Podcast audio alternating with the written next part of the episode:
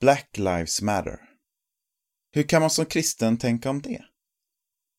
En aktuellt artikel av Martin Helgesson och Daniel Ringdahl. Nya fall av dödligt polisvåld ledde till starka protester i USA och över hela världen i somras. Under mottot Black Lives Matter skedde demonstrationer även i Sverige. Det har dock rått delade meningar kring demonstrationerna. Hur kan man som kristen förhålla sig till detta? Rörelsen Black Lives Matter, BLM, startade 2013 efter en friande dom i fallet där Trayvon Martin, en afroamerikansk ung man, sköts i Florida. I år är det fallen med Brennan Taylor, George Floyd och Jacob Blake som på nytt har mobiliserat rörelsen. BLM är numera en omfattande global rörelse med en svensk gren som dock är helt fristående. Rasism och kristen tro. Rasism är oförenligt med kristen tro. Gud skapade en enda mänsklighet och Guds plan inkluderar alla folkslag som förenas i kärlek till honom och varandra. Rasism är en förnekelse av Guds ord som säger att alla människor är skapade till Guds avbild, med värde och värdighet oavsett hudfärg, etnicitet, kultur eller andra skiljelinjer vi kan tänka oss. Guds ord uppmanar oss gång på gång att vara rättvisa och nämner särskilt främlingen som en grupp värd vår omsorg. Tveksamheter Ändå är inte alla kristna överentusiastiska över BLM och den antirasistiska kampen. Varför? Ett skäl är att en del demonstrationer utartat i upplopp med våld och skadegörelse. Ett annat skäl är att man inte köper hela paketet. Det vill säga sådant som inte nödvändigtvis är en del av kampen mot rasism, men som BLM har kommit att inkludera. Normkritik, drogliberalism, hbtq-aktivism och så vidare.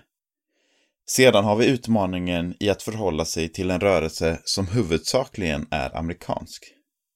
Det finns viktiga skillnader mellan USA och Sverige och våra respektive poliskårers arbetssätt. Fyra saker att tänka på. Allt detta gör det svårt att navigera i frågan. Här följer trots allt några tankar. För det första. Vi bör skilja på BLMs centrala agenda och det som tillfälligt ansluter sig och tar tillfället i akt att slåss. BLM är en vid och löst sammansatt rörelse. Vid demonstrationen i Göteborg i juni var både arrangörer och polis överens om att det fanns en fredlig demonstration som utgjorde kärnan och en annan, våldsam grupp som vandaliserade. Vi kan bejaka ropet på rättvisa och jämlikhet utan att legitimera våld. För andra. Vi bör inte kräva att vi är 100% överens för att samarbeta med eller vara positiva till rörelser och organisationer för förändring.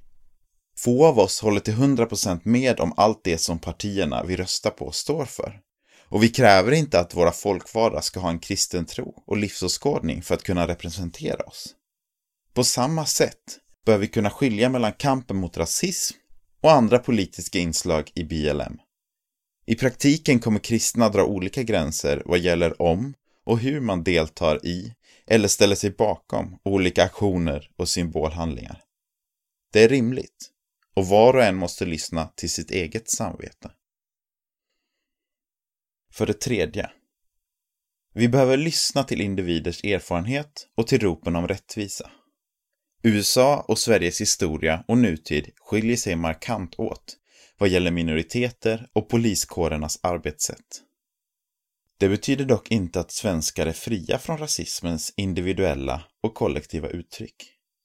Brottsförebyggande rådet, BRÅ, rapporterar att 70% av alla hatbrott 2018 hade rasistiska motiv.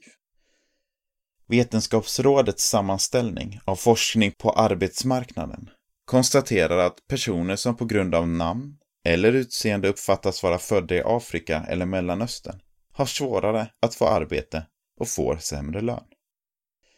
Också i Sverige behöver rasism synliggöras och bekämpas. För det fjärde. Som kristna kan vi bidra till ett mer konstruktivt sätt att bemöta rasism, främlingsfientlighet och fördomar. Att dela upp befolkningen i rasister, det vill säga onda, och icke-rasister, det vill säga goda, riskerar att förblinda oss. Istället tror vi ju att synden drabbar oss alla och på alla livets områden. Men Jesus har tagit hand om vår skuld och vår skam. Istället för att försvara oss eller bevisa vår godhet kan vi kristna vara föredömen i ödmjukhet och kärlek.